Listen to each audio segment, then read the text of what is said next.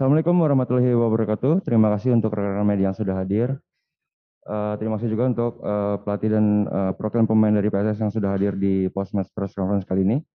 Uh, mungkin langsung saja kepada uh, Coach Dujan Antonik bisa uh, sedikit memberikan komentar terkait dengan hasil dan jalannya pertandingan. Halo, yang pertama selamat untuk Persiraja karena dia bisa dapat tiga poin hari ini. Of course kita kecewa karena kita ada leading 2-1 dan kita ada dua peluang yang bagus sekali untuk bikin satu lagi gol. Dan kita bisa selesai pertandingan yang positif. Tapi tadi kita salah dua kali. Arti individual mistake yang kita tidak percaya yang kita bisa bikin seperti itu. Dan Persiraja bisa masuk dua gol dari penalti. Dan yang terakhir itu dari pemain asing.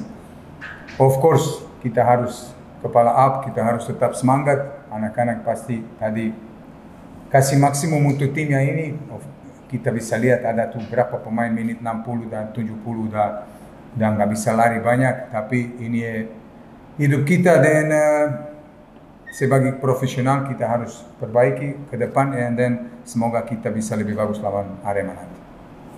Terima kasih Coach. Langsung ke Muhammad Dwi Raffi Angga mungkin bisa sedikit memberikan komentar terkait dengan dan pertandingan hasil. Ya, terima kasih. Uh, pertama kita bersyukur dengan biarpun hasil kalah uh, tapi inilah sepak bola.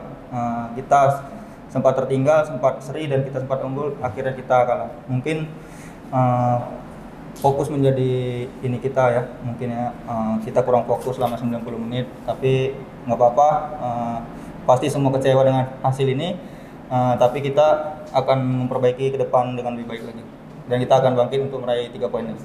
Amin. Oke coach, uh, langsung ke uh, ini ada pertanyaan dari rekan media uh, Mas Majid. Sempat unggul 2-1, akhirnya kecolongan hingga akhirnya kalah. Apa penyebabnya dan bagaimana penilaian coach soal masalah yang membuat dua kesalahan yang berujung menjadi dua, dua gol untuk tim lawan?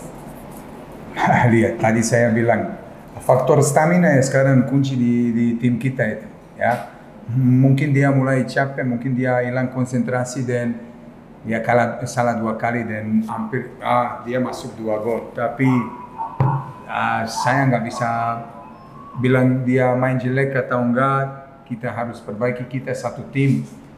Saya sering bilang kadang-kadang kita bisa menang kadang-kadang kita bisa kalah atau draw. Pentingnya kita harus lebih baik dari game yang besok dan kita harus fokus sendiri-sendiri pemain harus perbaiki kalau ada mistake dia harus perbaiki dan kita bisa lebih bagus ke depan. Uh, mungkin untuk Angga ya. bisa sedikit memberikan gambaran uh, gimana uh, perbandingan antara pertandingan sebelumnya dengan yang sekarang. Uh, apakah ada peningkatan atau seperti apa? Uh, ya, kalau perbandingan pemain uh, dari kita kemarin lawan Persija dan sekarang ya ada peningkatan, cuma ya itu masih ada kesalahan dan itu harus diperbaiki. Baik, baik. Oke, okay, uh, eh, masih uh, ada pertanyaan lagi dari rekan media lainnya. Um, Oke, okay. jika tidak ada kita cukupkan. Terima kasih untuk rekan media dan terima kasih untuk PSS. Terima kasih banyak ya. Terima kasih.